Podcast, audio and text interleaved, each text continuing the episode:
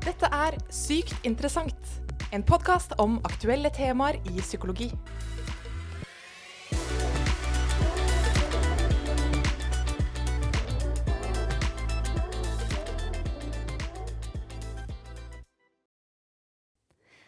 Hei og velkommen til eh, dagens episode. Med meg har jeg kollega og venninne Anni Wold. Velkommen. Hei, hei. Takk, takk. Du, Vi har jo studert bachelor og mastergrad eh, sammen, og nå har vi i tillegg blitt kollegaer. Um, og et fag som vi tok på masteren, det var jo seksuell helse. Og temaet for dagens episode går under nettopp det fagområdet. Så vi skal snakke om sexting. Men før det så må vi få eh, ta vår faste kjære spalte, nemlig Sykt nysgjerrig. Så da stiller jeg deg første spørsmål. Mhm. Hva innen psykologi driver du med? Jeg har tatt en eh, master i utviklingspsykologi, akkurat som deg, Mette.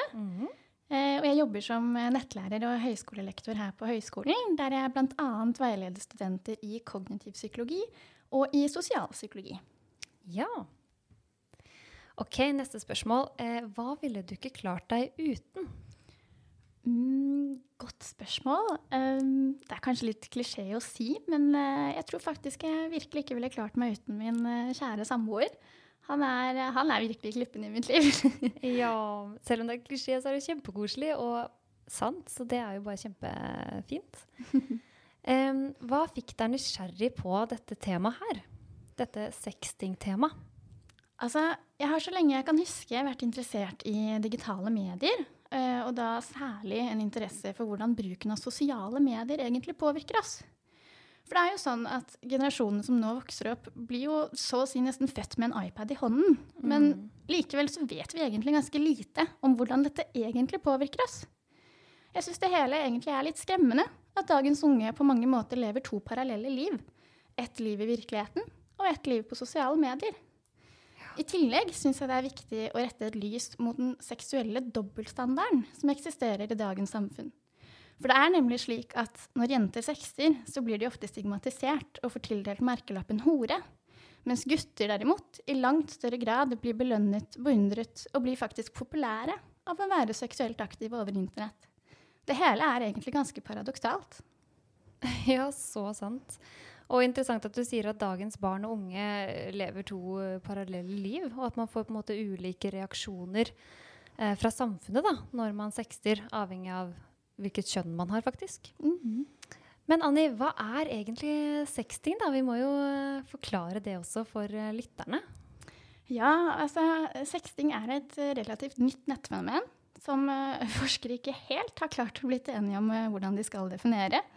Eh, men mange forskere velger å definere sexting som det å sende eller motta meldinger, bilder eller videoer med seksuelt ladet eller eksplisitt innhold. Så det vil si at både bilder og videoer av seksuell karakter, men også da meldinger man f.eks. sender til kjæresten sin om at man er kåt, eller at man har kjøpt et nytt undertøy, også anses som sexting. Og dette er jo nytt, eh, sier du. eh, og det regner jeg jo litt med er pga. teknologien. Ja, altså, jeg liker å sammenligne sexting med tidligere generasjoners bruk av pornoblader og pornofilmer. Altså, seksuell utforskning har jo alltid eksistert. Forskjellen fra tidligere generasjoner er jo, som du sier, hyppig teknologisk utvikling og anvendelsen av denne. Ja, ja, det er jo ikke akkurat noe nytt at eh, mennesker er nysgjerrig på dette temaet her. Og du, du har jo forsket på sexting i masteroppgaven din, var det ikke sånn? Ja, eh, i min oppgave så undersøkte jeg imidlertid eh, kun andelen barn og unge som selv produserer seksuelt innhold. Og dette gjorde jeg da for å ekskludere den andelen barn og unge som ufrivillig kan motta f.eks. dickpics på Snapchat. Ja, nettopp. Så de barna som gjør en aktiv form for sexting. Men barn, sier du. Hvor gamle eller unge snakker vi? Ja, jeg forsket på 702 barn i aldersspennet 11 til 17 år. Og det datasettet jeg tok utgangspunkt i, hadde jo egentlig samlet inn data fra barn ned i ni års alder. Men ettersom sexting er et veldig sensitivt tema av seksuell art, så ble ikke disse spørsmålene om sexting stilt til den yngste aldersgruppen. Ja, det er jo forståelig. Så eh, mindreårige barn og unge. Eh, hvorfor er det viktig å kunne noe om sexting da, tenker du? Altså, Sexting er et veldig omdiskutert tema i forskningslitteraturen. Eh, enkelte forskere ser på barn og unges sexingatferd som en helt naturlig del av menneskets seksuelle utvikling, der seksuell utforskning og nysgjerrighet står sentralt for utviklingen av barn og unges seksuelle identitet. Mm. Forskere fremhever også de positive sidene ved sexting. F.eks. at sexting kan bidra til økt tilfredshet i parforhold, at det kan styrke romantiske relasjoner, og at det kan bidra til økt seksuell tilfredshet i et kjærlighetsforhold. Ja, altså ikke bare negative ting, altså. Nei, men så har det seg jo slik at majoriteten av dagens forskere ser på barn og unge sexingatferd som en risikofylt seksuell atferd som trengs å såkalt interveneres og forebygges. Mm. Så under det såkalte risikoperspektivet så fremhever forskere de mange negative sidene ved sexting. Og et eksempel på dette kan være at intimt innhold lett kan komme på avveie og spres til et ikke tiltenkt publikum.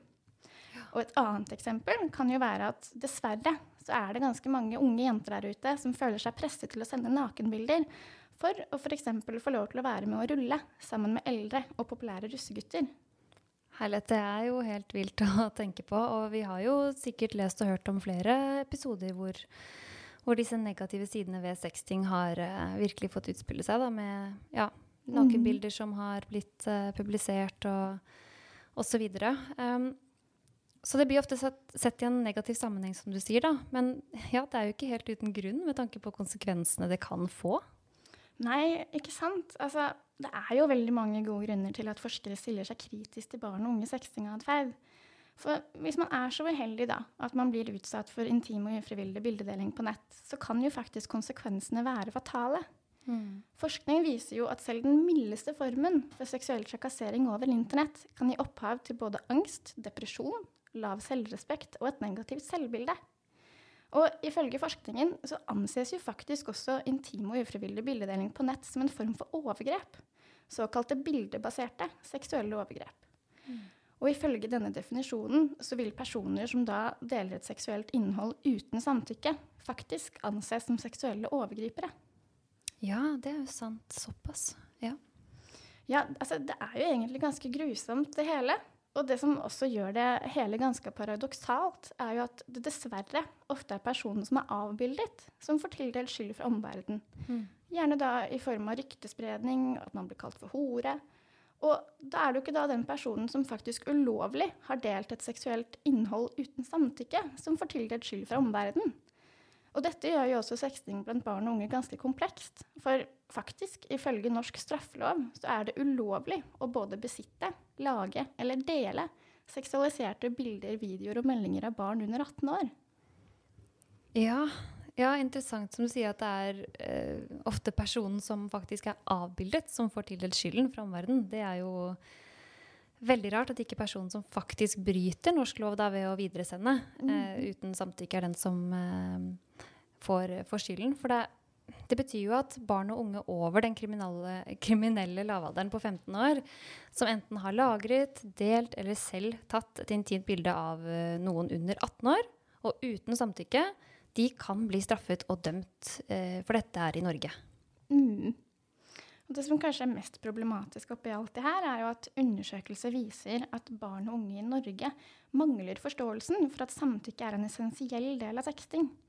Og dette er også noe som gjenspeiles i norske rettssaler, ettersom antall barn og unge som anmeldes og dømmes for seksuallovbrudd over internett, har doblet seg på kort tid. Og derfor er det så viktig at foreldre må involvere seg i barns digitale liv og faktisk begynne å oppdra sine barn på internett. Ja, ja, det kan virke som at mange ikke har eh, ja, rett og slett nok kunnskap da, om hva som er greit og ikke. Og da er det naturlig å tenke at uh, foreldre og oppdragelse er viktig. Det, det tenker jo jeg også. Mm. Ja, altså Hvis vi tenker over det selv, da, så er vi jo alle oppvokst med at ja, foreldrene våre har lært oss om hvordan vi bør oppføre oss, hva som er vanlig folkeskikk, og, og hvordan vi kan bli selvstendige vesener. Og dette handler jo nettopp om oppdragelse. Mm.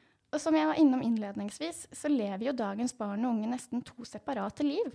Ett liv i virkeligheten og ett liv på sosiale medier.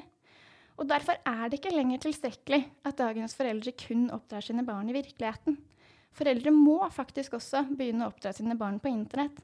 For altså, det er jo ikke så lett for en elleveåring å selv skjønne hvordan man bør oppføre seg på nett, eller ja, hvis man er så uheldig da, at man opplever mobbing eller seksuell trakassering over internett.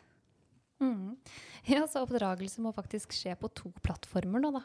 Mm. Men eh, hva slags eh, digital oppdragelse var det du undersøkte da i din eh, masteroppgave? I min studie så undersøkte jeg fire forskjellige former for digital oppdragelse. Og så målte jeg disse opp imot hvor mye barn og unge sekster.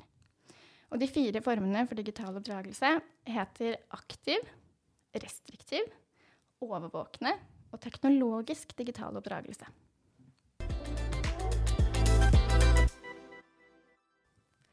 Ok, så fire former for uh, digital oppdragelse, altså.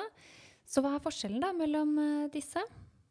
Jeg skal prøve å forklare. Um, en aktiv form for digital oppdragelse innebærer at foreldre aktivt forsøker å snakke og veilede sine barn i forhold til hvordan man kan bruke internett på en trygg måte, og hvordan barn bør handle hvis de opplever ubehageligheter på nett.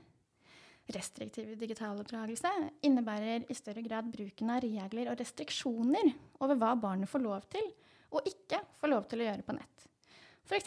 om barnet får lov til å dele bilder med andre eller ikke. En overvåkende form for digital oppdragelse innebærer at foreldre overvåker hva barnet gjør på nett. F.eks. da at foreldrene sjekker hvem barnet har snakket med på sosiale medier, eller hva slags nettinnhold barnet har sett på. Ja. Og til slutt så har vi teknologisk digital oppdragelse. Dette innebærer at foreldrene f.eks. For bruker foreldrekontroll for å blokkere eller filtrere noe type innhold eller bruk. For da kan jo foreldrene bruke foreldrekontroll, som f.eks. da blokkerer seksuelt innhold på nett. Ja, ok. Så fire ulike former for digital oppdragelse, altså. Eh, aktiv, restriktiv, eh, overvåkende og teknologisk digital oppdragelse. Mm. Det virker jo litt som at restriktiv og teknologisk digital oppdragelse eh, ligner litt på hverandre, eller? Men restriktiv digital oppdragelse gikk mer inn på regler over hva barnet faktisk får lov til og ikke får lov til å gjøre på nett, som du sa. Men teknologisk digital oppdragelse eh, i større grad innebærer bruken eh, av altså tekniske sperrer da, for å Mm. f.eks. blokkere seksuelt innhold på nett. Eh, og nå tenker sikkert de som hører på at eh, eller tenker sikkert over da, hvilken oppdragerstil de selv fikk. I hvert fall så gjør jeg det. Eh, hva var resultatene med studiene? Det som var ganske overraskende, var jo at jeg på forhånd trodde at alle disse ulike formene for digital oppdragelse kom til å redusere barns delaktighet i sexting. Men det var jo absolutt ikke tilfellet. Det var, ja, det var ganske overraskende. Men uh, resultatene mine viste faktisk at ingen av de ulike formene for digital oppdragelse bidro til å redusere barns forekomst av sexting. Men heller tvert imot, faktisk, så viser resultatene mine at barns delaktighet i sexting faktisk øker ved høy grad av teknologisk digital oppdragelse. Oi! Det hadde jeg ikke trodd, for å være helt ærlig. Eh, veldig overraskende. For eh, teknologisk digital oppdragelse er jo, som du nevnte tidligere, når foreldre bruker sånn foreldrekontroll, da, som blokkerer eller filtrerer noe type innhold eller bruk. Så bruken av høy kontroll er kanskje ikke å foretrekke da, når man ønsker å oppdra barna sine eh, på en god måte på internett. Nei, ikke sant? Men her er det jo også viktig å påpeke at resultatene ikke sier noe om såkalt årsak-virkning. Så det er altså ikke mulig å vite sikkert om det da er teknologisk digital oppdragelse som faktisk er årsaken til at barn og unge sexter mer. Ja, ikke sant. Det er sånn, uh, man vet ikke om det er det ene som fører til det andre. Uh, godt poeng. Disse funnene ligner jo litt de man har funnet innen utviklingspsykologi. Da. Eh, at eh, streng og kontrollerende foreldrestil eh, ikke er nødvendigvis så gunstig for barnets videre utvikling. Mm, ikke sant? Men en teori fra psykologien som faktisk kan hjelpe oss litt med å forstå dette resultatet, er en teori som heter reaktansteorien. Ohoi. Høres veldig fancy ut. Ja. Eh, forskere har nemlig påpekt at, eh, at det er viktig at foreldre iverksetter riktig form for digital oppdragelse, ettersom feil former kan føre til såkalte reaktanseeffekter. Altså da stikk motsatt atferd enn det som er ønskelig, eller det som forventes. Så reaktanseteorien foreslår at en person vil reagere mot overtalelse hvis man føler at ens personlige frihet er truet. Så teorien hevder at en trussel mot frihet fører til en mental tilstand av opphisselse, som til slutt fører til en reaksjon mot den ønskelige atferden. Og den ønskelige atferden i dette tilfellet er jo nettopp at barn og unge skal sexte mindre. Ja, ikke sant. Det var en interessant eh, teori. Eh, så, så, høy grad av kontroll førte i dette tilfellet at eh, barn og unge faktisk sexter mer, da. Fordi at de, ja, denne friheten blir truet, og de ender derfor opp med å gjøre det stikk motsatt hva foreldrene ønsker. Det kan jo være litt sånn, ja, litt sånn trassig atferd. Noen mm. forteller deg at du ikke skal gjøre noe, så gjør man det likevel. Så for strenge regler og for mye kontroll kan virke som det, det fungerer kanskje mot sin hensikt, altså. Ja, ikke sant. Så det er jo egentlig noe foreldre burde ha litt i bakhodet. Nettopp da når de digitalt oppdrar sine barn. Men så skal det jo også sies at det finnes flere mulige forklaringer til hvorfor ingen av de ulike formene for digital oppdragelse reduserte barns delaktighet i sexting. Ok, ja, hvordan, eh, hvordan da, tenker du? Ja, Altså, som jeg nevnte kort innledningsvis, så er det jo dessverre flere unge jenter som opplever et press om å sende nakenbilder til eldre og populære gutter mm. for å forhåpentligvis få lov til å være med å rulle. Og, og da kan det jo tenkes at, at, mange jenter egentlig er klar over at det ikke er så lurt da, å sende dette nakenbildet av seg selv til disse guttene, men at de gjør det likevel, i håp om å få lov til å være med og rulle, eller i håp om å unngå annen form for sosial utestenging. Uff, ja. Det er jo dette her sosiale presset da, som gjerne oppstår blant uh, barn og unge i forbindelse med, med sexting på en måte som overgår foreldrenes forsøk på digital uh, oppdragelse, rett og slett. Ja, ikke sant? Nettopp. Og tilsvarende så viser jo faktisk noen undersøkelser at jenter faktisk får betalt for å sende nakenbilder av seg selv til vilt fremmede mennesker. Oi, herlighet. Så her igjen så kan det tenkes at disse jentene egentlig er klar over at det ikke er så lurt å sende nakenbilder av seg selv til fremmede, men de gjør det likevel fordi de har blitt tilbudt store pengesummer da, per eh, nakenbilde, eller andre goder for den saks skyld. Mm, ikke sant? Og når da sexting på en måte blir en, en veldig lettvint måte å tjene penger på, så kan jo dette da atter en gang overgå foreldrenes forsøk på digitalt oppdra sine barn på internett. Mm. Ja, det gir jo mening, det, altså. En annen ting som eh, kan forklare hvorfor ingen av de ulike formene for digital oppdragelse reduserte barns delaktighet i sexting, kan jo også stamme fra hvordan jeg faktisk målte da, digital oppdragelse i min studie.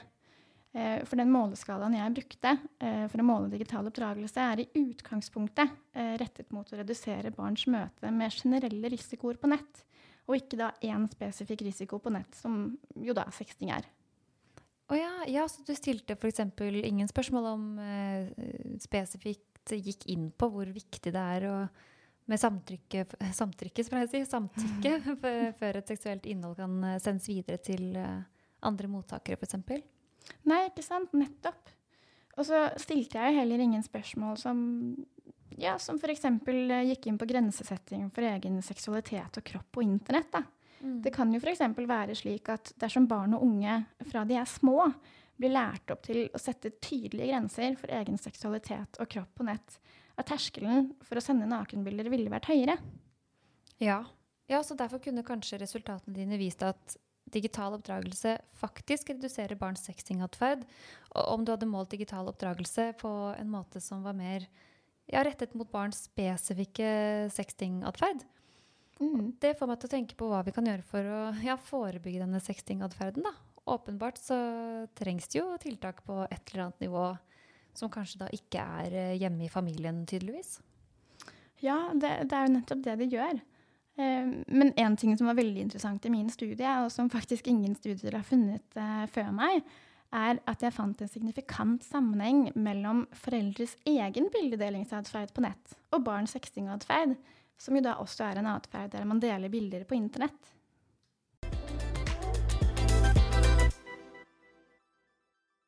Ja, for du har sikkert lagt merke til at det er stadig flere foreldre der ute som legger ut bilder og videoer av sine egne barn på internett. F.eks. på ja, Facebook, Instagram og Snapchat. Ja, det er jo masse diskusjon rundt det der om det, hvorvidt det er greit eller ikke. Eh, så jeg, jeg har sett en del av det, altså. Jeg har det. Ja, ikke sant? Eh, og resultatene mine viste jo da at barn som har foreldre som deler bilder og videoer av egne barn på nett, faktisk sexter mer enn barna og foreldre som ikke deler bilder og videoer av egne barn på nett. Altså sagt med litt andre ord barn som har foreldre som selv deler bilder av sine egne barn på internett, har barn som sekster mer sammenlignet med barn av foreldre som ikke deler bilder av sine egne barn på internett. Ja, det syns jeg faktisk var utrolig interessant. Og eh, så kom jeg til å tenke på eh, en teori innen psykologi som, eh, som, heter modellæring, eller sosial læringsteori, av han Bandura. Og den teorien den beskriver hvordan eh, barn eh, lærer eh, sin sosiale atferd ved å nettopp observere og imitere sentrale rollemodeller, som da typisk foreldre kan være. Så sagt med litt andre ord, da, så sier jo på en måte dine resultater at barn kan ta fra sine foreldre da, med denne bildedelingsadferden. Mm, nettopp. Så det betyr jo at foreldre ja, egentlig bør bli ganske klar over sin egen bildedelingsatferd på nett. da. Ettersom mine resultater indikerer at foreldres atferd og holdninger knyttet til bildedeling på nett faktisk smitter over på barnas egen bildedeling. Absolutt. Ja, det gir jo virkelig eh, mening. Hvis barn vokser opp med foreldre som har en mer sånn liberal tilnærming da, til bildedeling, f.eks ja, de hyppig legger eh, ut bilder på sosiale medier og kanskje glemmer barn, å spørre barna om sånn samtykke før de deler av sine barn, da, så gir jo det mening at barn vil overføre disse holdningene eh, og de, den atferden eh, kanskje på egen bildedeling på nett når de blir eldre. Og det kan jo også da bidra til å forklare, i hvert fall til en viss grad, hvorfor stadig flere barn og unge dømmes for seksuallovbrudd eh, over internett. De har jo ikke lært at de må spørre om samtykke før de videresender et bilde. Og det er kanskje lett å tenke at uh, mamma spør jo ikke meg før hun poster et bilde på sosiale medier, så hvorfor skal jeg spørre folk på min egen alder? Det, det er kanskje det som, som, sitter litt da, i. Ja, ikke sant? For altså, resultatene indikerer jo på en måte at foreldre da skaper et klima i hjemmet som da bidrar til å normalisere bildedeling på nett. Så her bør jo foreldre egentlig være litt på vakt og ja, bli litt mer klar over sin egen atferd på internett. Da. Og ikke minst lære barna sine at man faktisk må be om samtykke før man videresender et bilde eller en video da, som man har tatt av noen andre. Og egentlig helt uavhengig av om dette bildet eller videoen er av seksuell karakter eller ikke, så er samtykke nødvendig uansett. Ja, og det tenker jeg er viktige ord litt sånn avslutningsvis dette temaet her er jo noe man kanskje ikke lærer så veldig mye om. Så jeg syns det var veldig spennende at du kom inn og kunne snakke om dette her, eh, Anni, og dele fra, fra funnene fra masteren din, eh, rett og slett. Og jeg syns kanskje det var spesielt interessant med det der at vi må passe litt på hva vi gjør som foreldre selv, fordi det kan smitte over på barna, som selvfølgelig gir mening, for det er jo jeg å si vi, nå er ikke jeg foreldre ennå, men uh, vi er jo rollemodeller alle sammen. Så tusen takk for at du ville komme og snakke om dette eh, temaet innenfor seksuell helse, Anni. Du har nettopp hørt en episode av Sykt interessant, en podkast om aktuelle temaer i psykologi.